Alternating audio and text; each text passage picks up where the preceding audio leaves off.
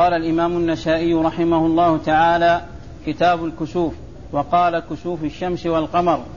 وقال أخبرنا قتيبة قال حدثنا حماد عن يونس عن الحسن عن أبي بكرة رضي الله عنه قال قال رسول الله صلى الله عليه وسلم إن الشمس والقمر آيتان من آيات الله تعالى لا ينكسفان لموت أحد ولا لحياته ولكن الله عز وجل يخوف بهما عباده. بسم الله الرحمن الرحيم. الحمد لله رب العالمين وصلى الله وسلم وبارك على عبده ورسوله نبينا محمد وعلى آله وأصحابه أجمعين. يقول النسائي رحمه الله كتاب الكسوف باب كسوف الشمس والقمر. الكسوف كسوف الشمس والقمر يقال إن الكسوف إن الكسوف والخسوف مترادفان. ويقال إن الكسوف إنما يطلق على كسوف الشمس والخسوف على خسوف القمر. وقد جاء في آه هذه الأحاديث إطلاق الكسوف على الشمس والقمر. وقال النسائي في الباب باب كسوف الشمس والقمر. ثم أورد حديث أبي بكرة رضي الله تعالى عنه. والكسوف هو تغير التغير إلى السواد. ولهذا فإن كسوف الشمس والقمر تغير لونهما وحصول السواد آه، وطرق طرق التغير عليهما. وهما أي الشمس والقمر آيتان من آيات الله عز وجل. يخوف الله تعالى بهما عباده. فإذا كان هاتان الآيتان يطرأ عليهما التغيير والتبديل يطرأ عليهما التغيير والتحول من الإضاءة والإشراق إلى تغير لونهما وكون الظلام الدامس يكون نتيجة لحصول هذا التغير عليهما. فهذا فيه إشارة إلى تغيير الكون وإلى نهاية الدنيا والله تعالى يخوف عباده بذلك. وليس كسوفهما وخسوفهما آه، من فعلهما أو أنه آه، يحصل نتيجة لموت أحد ولا لحياته وإنما يكون بتدبير الله عز وجل وتصرفه. في هاتين الآيتين من آياته حيث يتصرف فيهما كيف يشاء فيبقي ضوءهما ويجعل التغير يطرأ عليهما إذا شاء وفي ذلك تخويف للعباد وتنبيه لهم إلى أن يرجعوا إلى الله عز وجل وأن يتقربوا إليه بالطاعات. التي يعود عليهم نفعها في الدنيا والآخرة. وقد أورد النسائي حديث أبي بكرة رضي الله تعالى عنه أن النبي عليه الصلاة والسلام قال آه إن الشمس والقمر آيتان من آيات الله لا ينكسفان لموت أحد ولا لحياته وإنما يخوف الله بهما عباده. فبين عليه الصلاة والسلام في هذا الحديث أن الله عز وجل يجري عليهما هذا التغيير لتخويف عباده ولتنبيههم إلى أن يعودوا إليه وأن يعلموا أن الأمر أمره وأن كل شيء بيده وأنه يتصرف في المخلوقات كيف يشاء وأن هذه وأن هذين المخلوقين الشمس والقمر اللذين في حصول نورهما المنافع الكبيرة للناس الله تعالى يجري عليهما هذا التغير والتأثر فتتغير الحال وتتبدل الحال فيكون في ذلك تخويف للعباد وتنبيه لهم إلى أن يعبدوا الله عز وجل ويفزعوا إليه ويعلموا أن الأمر أمره. والخلق خلقه فبيده الأمر هو وهو المتصرف في الخلق كيف يشاء سبحانه وتعالى. وإنما قال النبي عليه الصلاة والسلام إن الشمس والقمر آيتان من آيات, آيات الله لا ينكسفان لموت أحد ولا لحياته لأن حصول الكسوف الذي حصل للشمس في عهده صلى الله عليه وسلم كان في اليوم الذي مات فيه ابنه إبراهيم. وكان من عادات الجاهلية أنهم يقولون إن هذا الذي يحصل لموت عظيم وأنما يكون لموت عظيم. فبين عليه الصلاة والسلام أن الأمر ليس كذلك وأن الأمر إنما هو إنما هو بقدرة الله وبمشيئة الله يتصرف في ملكه كيف يشاء سبحانه وتعالى وليس هذا لموت أحد بل ولا لحياته. يعني فهذا الذي آه، كان معروفا عند أهل الجاهلية ثم كان هذا الكسوف في اليوم الذي مات ابنه إبراهيم. آه، قال هذا دفعا لتوهم مثل ذلك مما هو معروف في الجاهلية.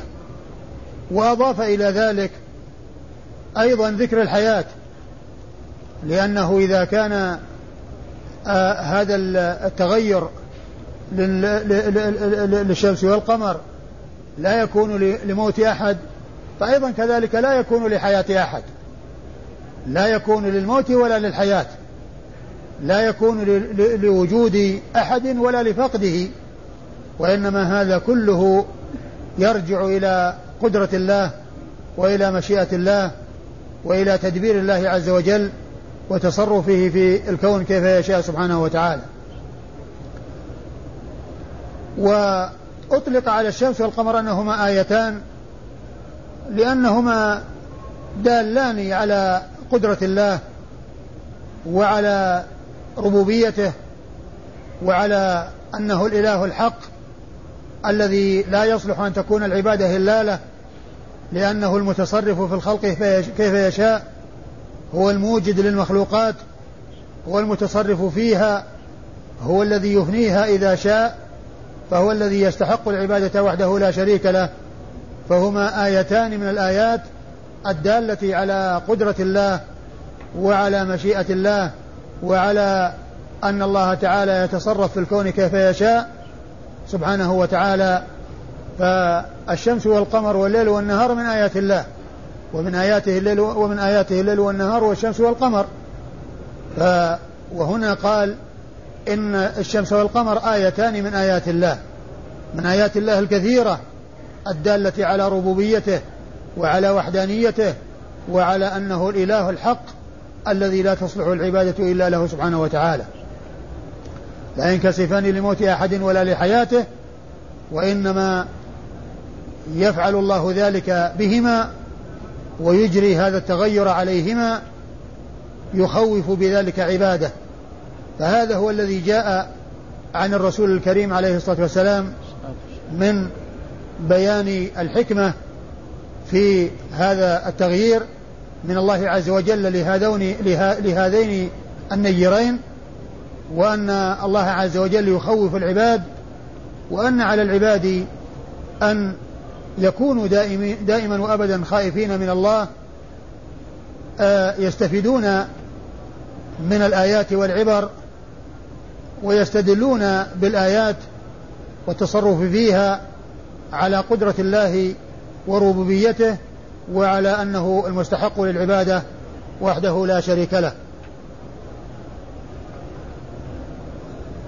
أما إسناد الحديث فيقول النسائي أخبرنا قتيبة؟ نعم. أخبرنا قتيبة وهو بن سعيد بن جميل بن طريف البغلاني ثقة ثبت أخرج حديثه وأصحاب الكتب الستة وبغلان قرية من قرى بلخ من بلاد خراسان وحديثه عند أصحاب الكتب الستة يروي عن حماد وحماد هنا غير منسوب وهو يحتمل ابن زيد ويحتمل ابن سلمة لكن قتيبة لا يروي إلا عن حماد بن زيد.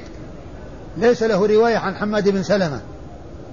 ولهذا فإذا جاء حماد غير منسوب والذي يروي عنه قتيبة فإنه يحمل على حماد بن زيد. يحمل على حماد بن زيد.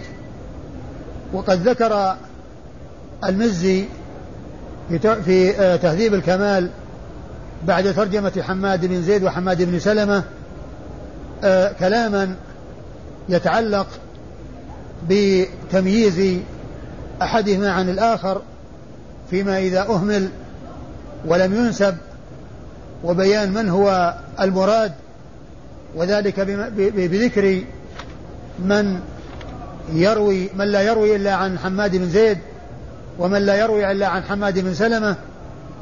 وبذلك يعرف تمييز المهمل عند إهماله وعدم آه، ذكر النسب بمعرفة أن هذا الشخص لا يروي إلا عن هذا الشخص فيتميز ويعرف المراد.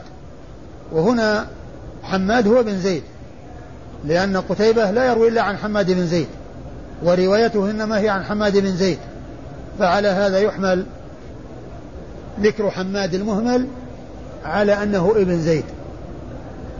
وحماد بن زيد بن درهم ثقة أخرج حديثه وأصحاب الكتب الستة. وهو بصري. وهو بصري. نعم. عن يونس. عن يونس وهو بن عبيد البصري. وهو ثقة ثبت أخرج حديثه وأصحاب الكتب الستة. يروي عن؟ عن الحسن. عن الحسن وهو ابن أبي الحسن البصري. يروي عن الحسن بن أبي الحسن البصري. الثقة الفقيه المشهور. وهو يرسل ويدلس. وحديثه أخرجه أصحاب الكتب الستة. وهو يروي عن أبي بكرة صاحب رسول الله عليه الصلاة والسلام. وهو نفيع بن الحارث الثقفي.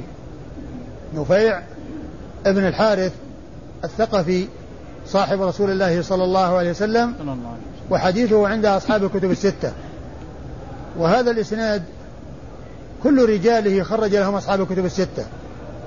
من أوله إلى آخره. قتيبة بن سعيد وحماد بن زيد ويونس بن عبيد والحسن البصري وأبي بكرة نفيع بن الحارث الثقفي صاحب رسول الله صلى الله عليه وسلم فكل هؤلاء الخمسة خرج حديثهم أصحاب الكتب الستة نعم. قال باب التسبيح والتكبير والدعاء عند كسوف الشمس وقال أخبرنا محمد بن عبد الله بن المبارك قال حدثنا أبو هشام هو المغيرة بن سلمة قال حدثنا وهيب قال حدثنا أبو مسعود الجريري عن حيان بن عمير قال حدثنا عبد الرحمن بن سمرة قال بين أنا أترامى بأسهم لي بالمدينة إذ انكسفت الشمس فجمعت أسهمي وقلت لأنظرن ما أحدثه رسول الله صلى الله عليه وسلم في كسوف الشمس فأتيته مما يلي ظهره وهو في المسجد فجعل يسبح ويكبر ويدعو حتى حسر عنها قال ثم قام فصلى ركعتين وأربع سجدات. ثم ورد النسائي هذه الترجمة هي التسبيح التسبيح والتكبير والدعاء. التسبيح والتكبير والدعاء عند كسوف الشمس والقمر. عند كسوف الشمس. حديث يا شيخ؟ لا الإسناد الترجمة. الترجمة. التسبيح والتكبير والدعاء عند كسوف الشمس.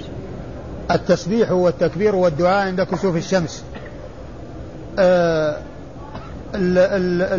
الحديث المتقدم فيه بيان حصول الكسوف وأن الله عز وجل يخوف به عباده ثم هذه الترجمة تتعلق بما يفعل عند الكسوف. وعندما يحصل الكسوف فإنه يسبح الله ويكبر ويدعى ويصلى. والصلاة تشتمل على هذه الأمور. تشتمل على التسبيح والتكبير والدعاء. فيكون التسبيح والتكبير والدعاء في الصلاة وبعدها إذا حصل الفراغ من الصلاة ولم يحصل التجلي فإنه يسبح الله ويذكر ويدعى حتى يحصل التجلي.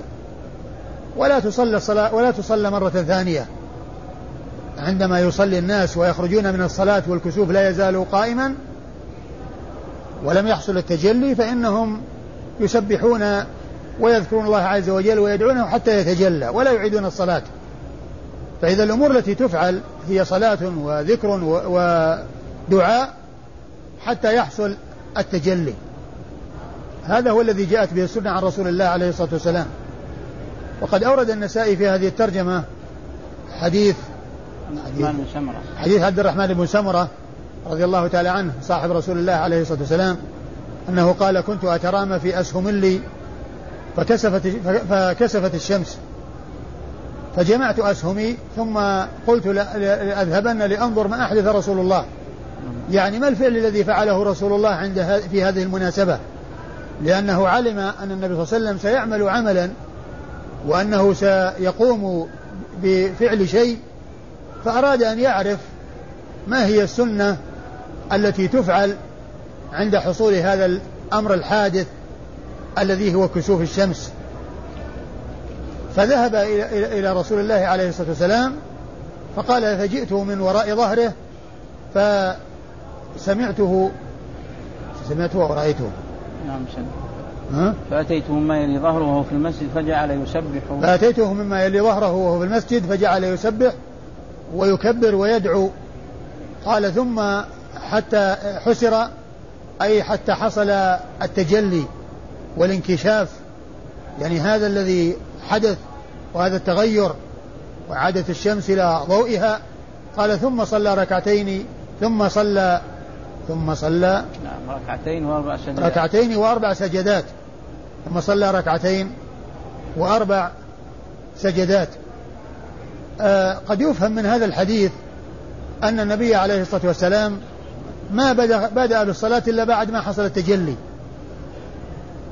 والواقع أن النبي عليه الصلاة والسلام دخل في الصلاة والكسوف موجود. والكسوف موجود. ولكن الحديث أو أن الصحابي رضي الله عنه أراد أن يبين الأمور المجتمعة التي حصلت والتي فعلها رسول الله صلى الله عليه وسلم حتى حصل التجلي. لا أن الصلاة بدأ بها بعد التجلي وإنما بدأ بها في حال الكسوف والدعاء والتكبير والتسبيح يكون في الصلاة وبعد الصلاة عندما عندما لا يحصل عند إذا لم يحصل التجلي. يكون بعد الصلاة.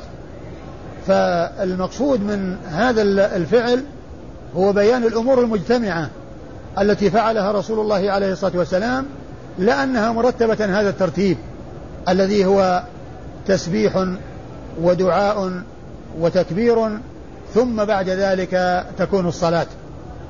بل إن الصلاة والتسبيح والتهليل والتكبير حصل مجتمعا أو حصلت هذه الأمور مجتمعة عندما وجد الكسوف. والصلاة كما جاء في الأحاديث آه إنما هي حين الكسوف. وهي يقال لها صلاة الكسوف. وإذا حصل التجلي وحصل الانتهاء ما ما يصلى. لو أن الناس ما علموا عن الكسوف إلا بعد ما تجلى ما يصلون. انتهى. لأن آه، لأنها سنة مؤكدة فات وقتها. فإذا ناس كانوا نائمين أو كانوا ما علموا عن الكسوف إلا بعد ما انتهى فإنهم لا يصلون لأن الكسوف لأن الصلاة إنما هي في وقت الكسوف حتى يوجد الانكشاف والتجلي وحصول آه، آه، عود النيرين إلى ما كان عليه من الإضاءة والإشراق. أما ثم قال ركعتين وأربع سجدات المقصود بذلك صلاة الكسوف. وهنا ليس فيه ذكر تفصيل الصلاة وإنما فيه ذكر السجدات وذكر الركعتين. والركعتان في كل ركعة منها ركوعان. في كل ركعة منها ركوعان وفي كل سجدة سجودان. ف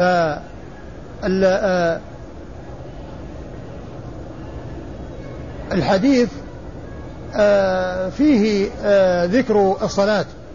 وبعض العلماء قال إن هذه نافلة بعدما حصل التجلي نافلة وضعف هذا بعض أهل العلم وقال إن هذا لا يصح ولم يثبت عن الرسول صلى الله عليه وسلم أنه, أنه تنفل بعد الكسوف وإنما المقصود بذلك صلاة الكسوف.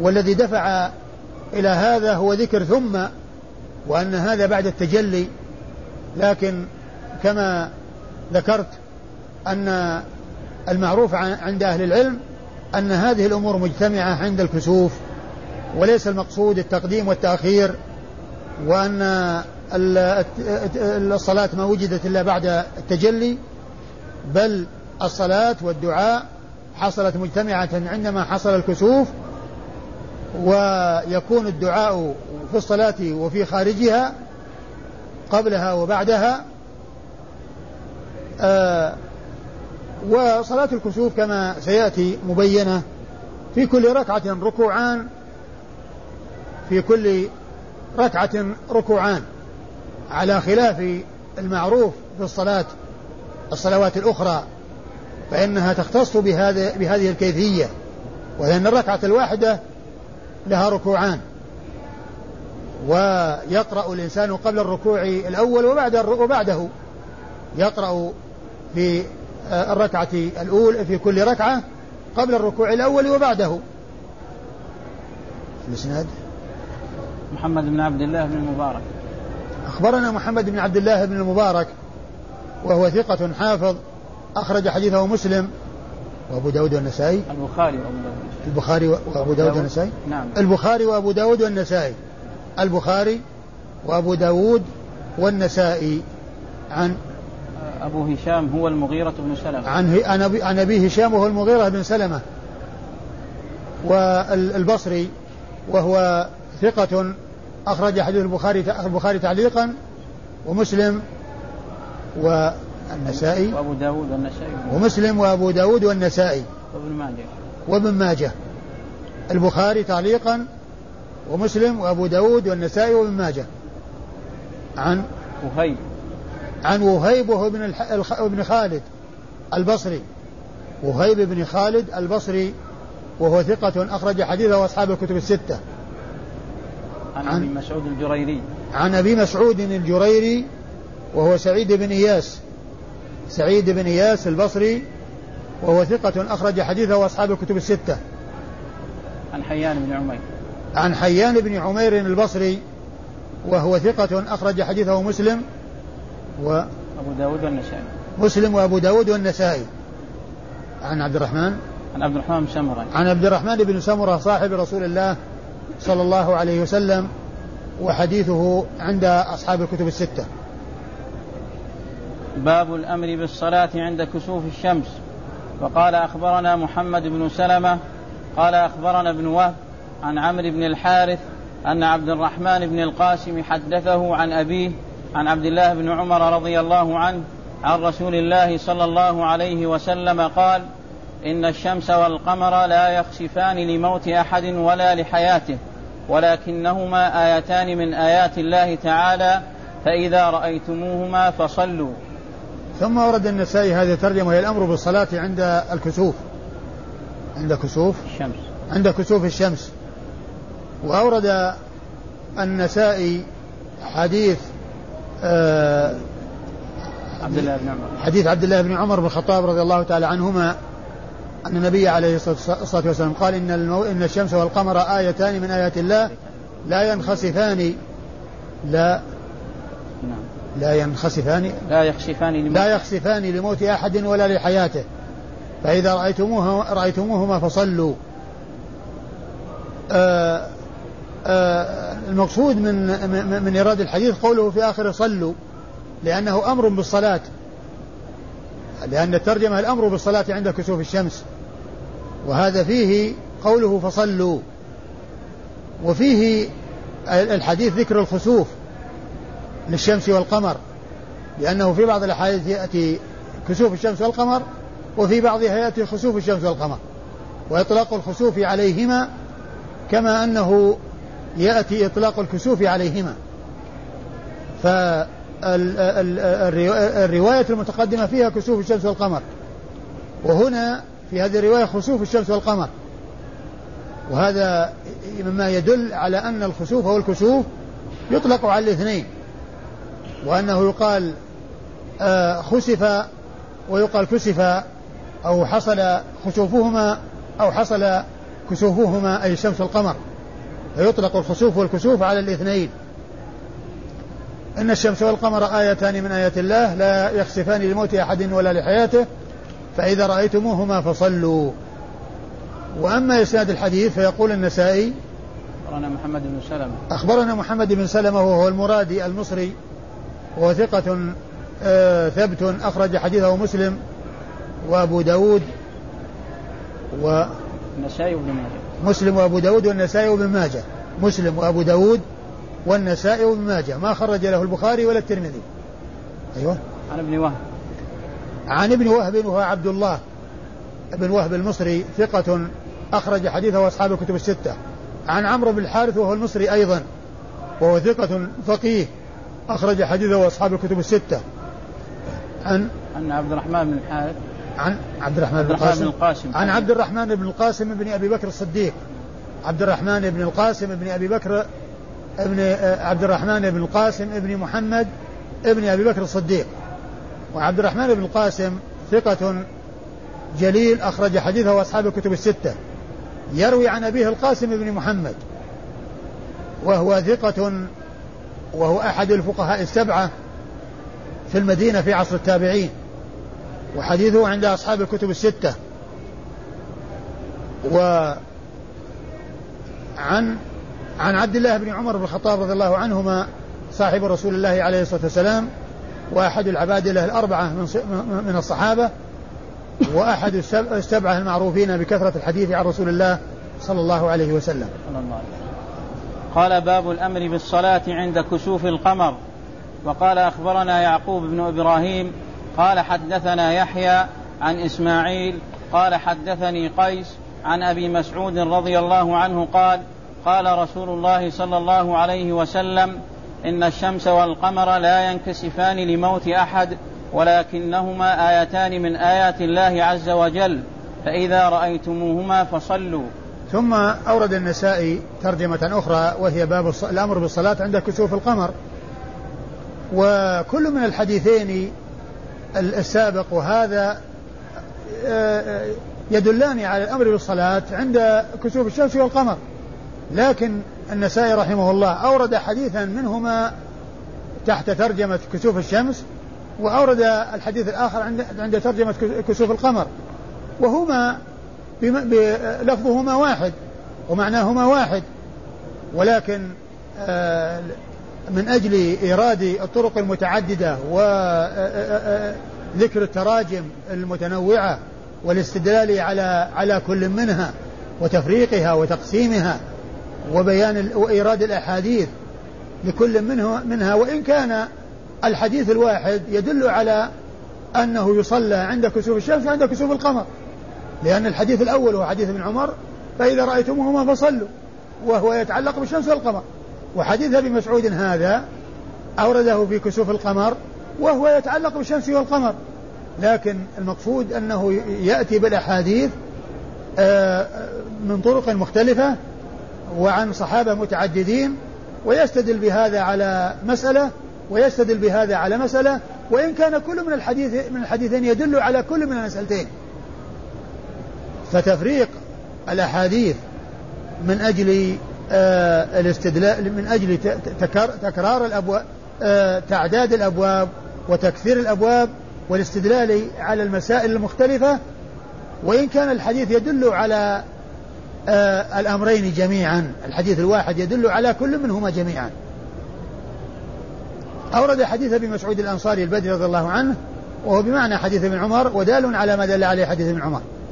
وأما إسناد الحديث فيقول النسائي أخبرنا يعقوب بن إبراهيم. أخبرنا يعقوب بن إبراهيم الدورقي وهو ثقة حافظ أخرج حديثه أصحاب الكتب الستة بل هو شيخ لأصحاب الكتب الستة.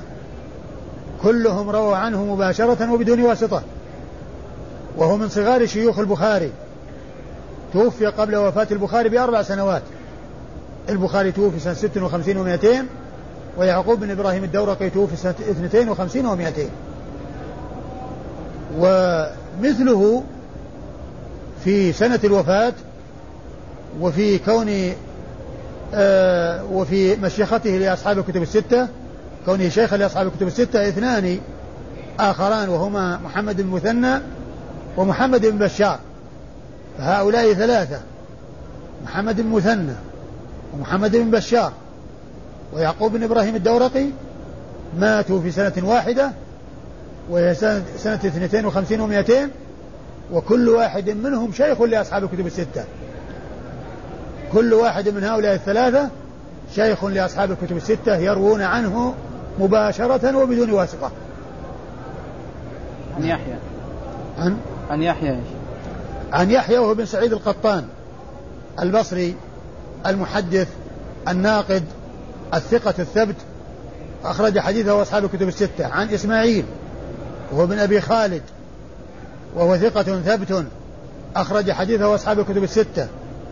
يروي عن قيس وهو بن أبي حازم البجلي وهو ثقة مخضرم أخرج حديثه أصحاب الكتب الستة.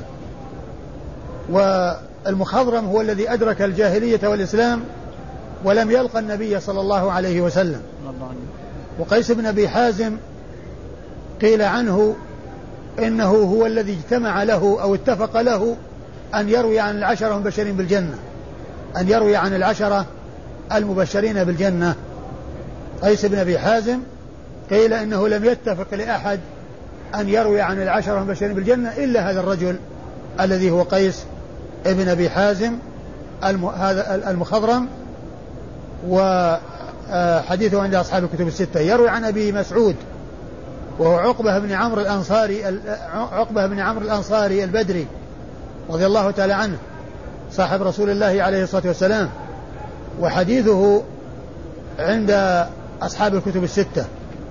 ويقال إنه لم يشهد بدرا وإنما نسب إلى بدر لأنه سكنها.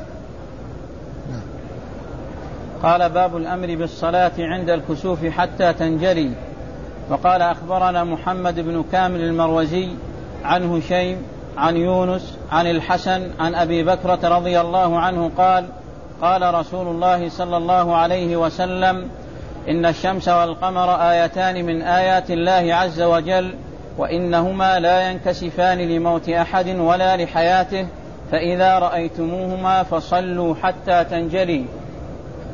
ثم أورد النسائي هذه الترجمة وهي باب الصلاة. نعم باب الأمر بالصلاة عند الكسوف حتى تنجلي.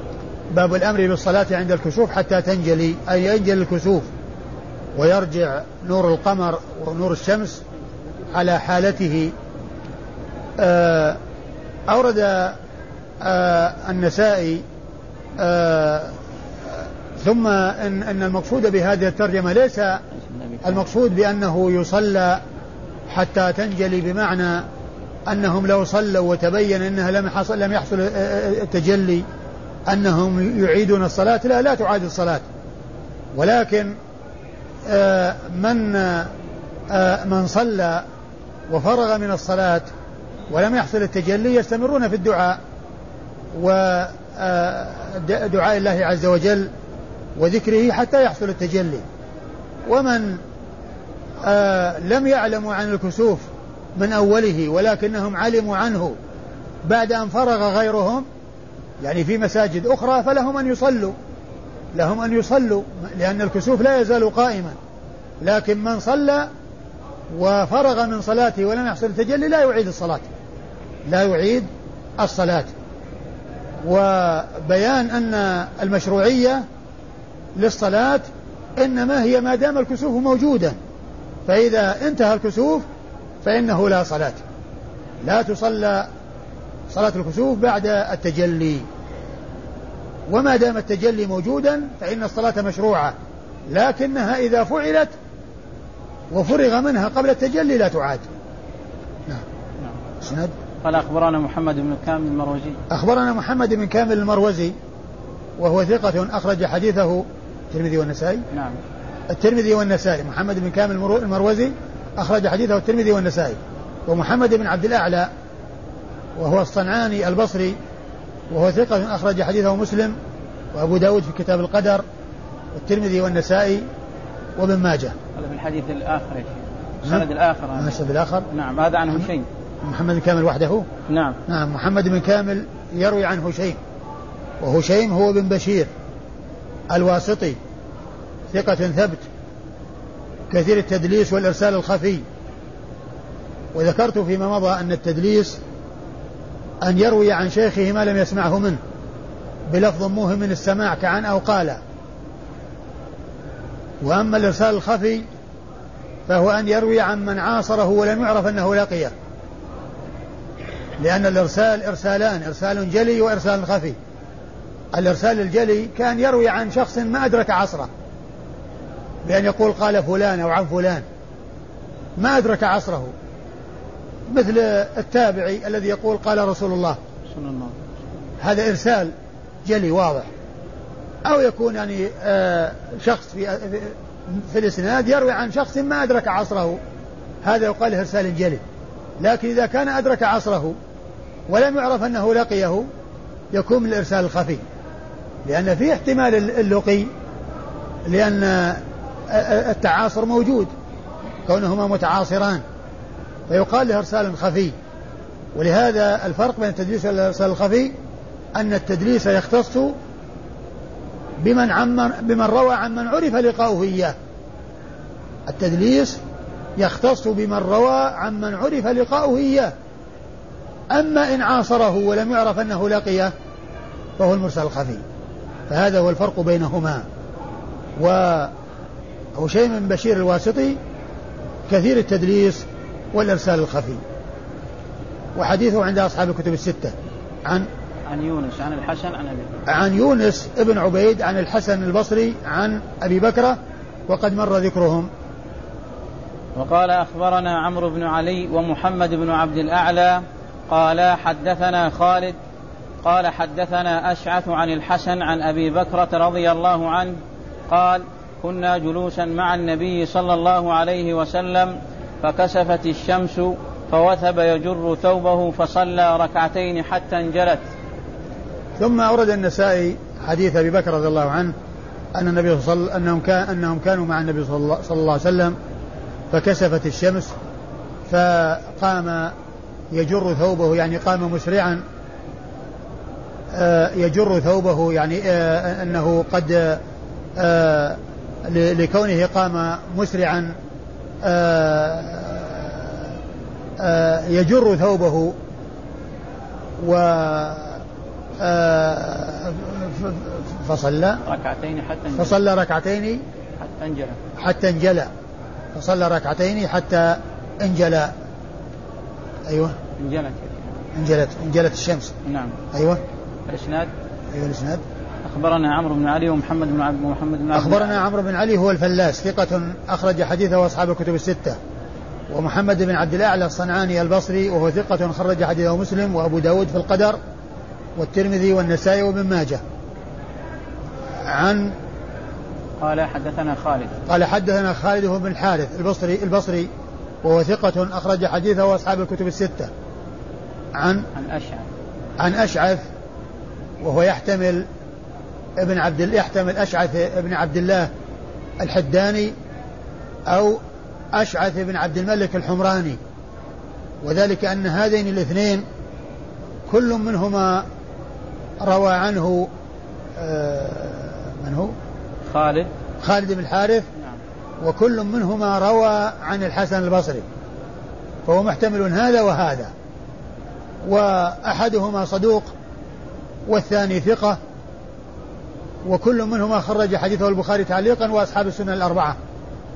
فسواء يكون هذا أو هذا لا محذور لأن كل منهما حديثه معتبر ومقبول حديثه ومعول على حديثه حديثه.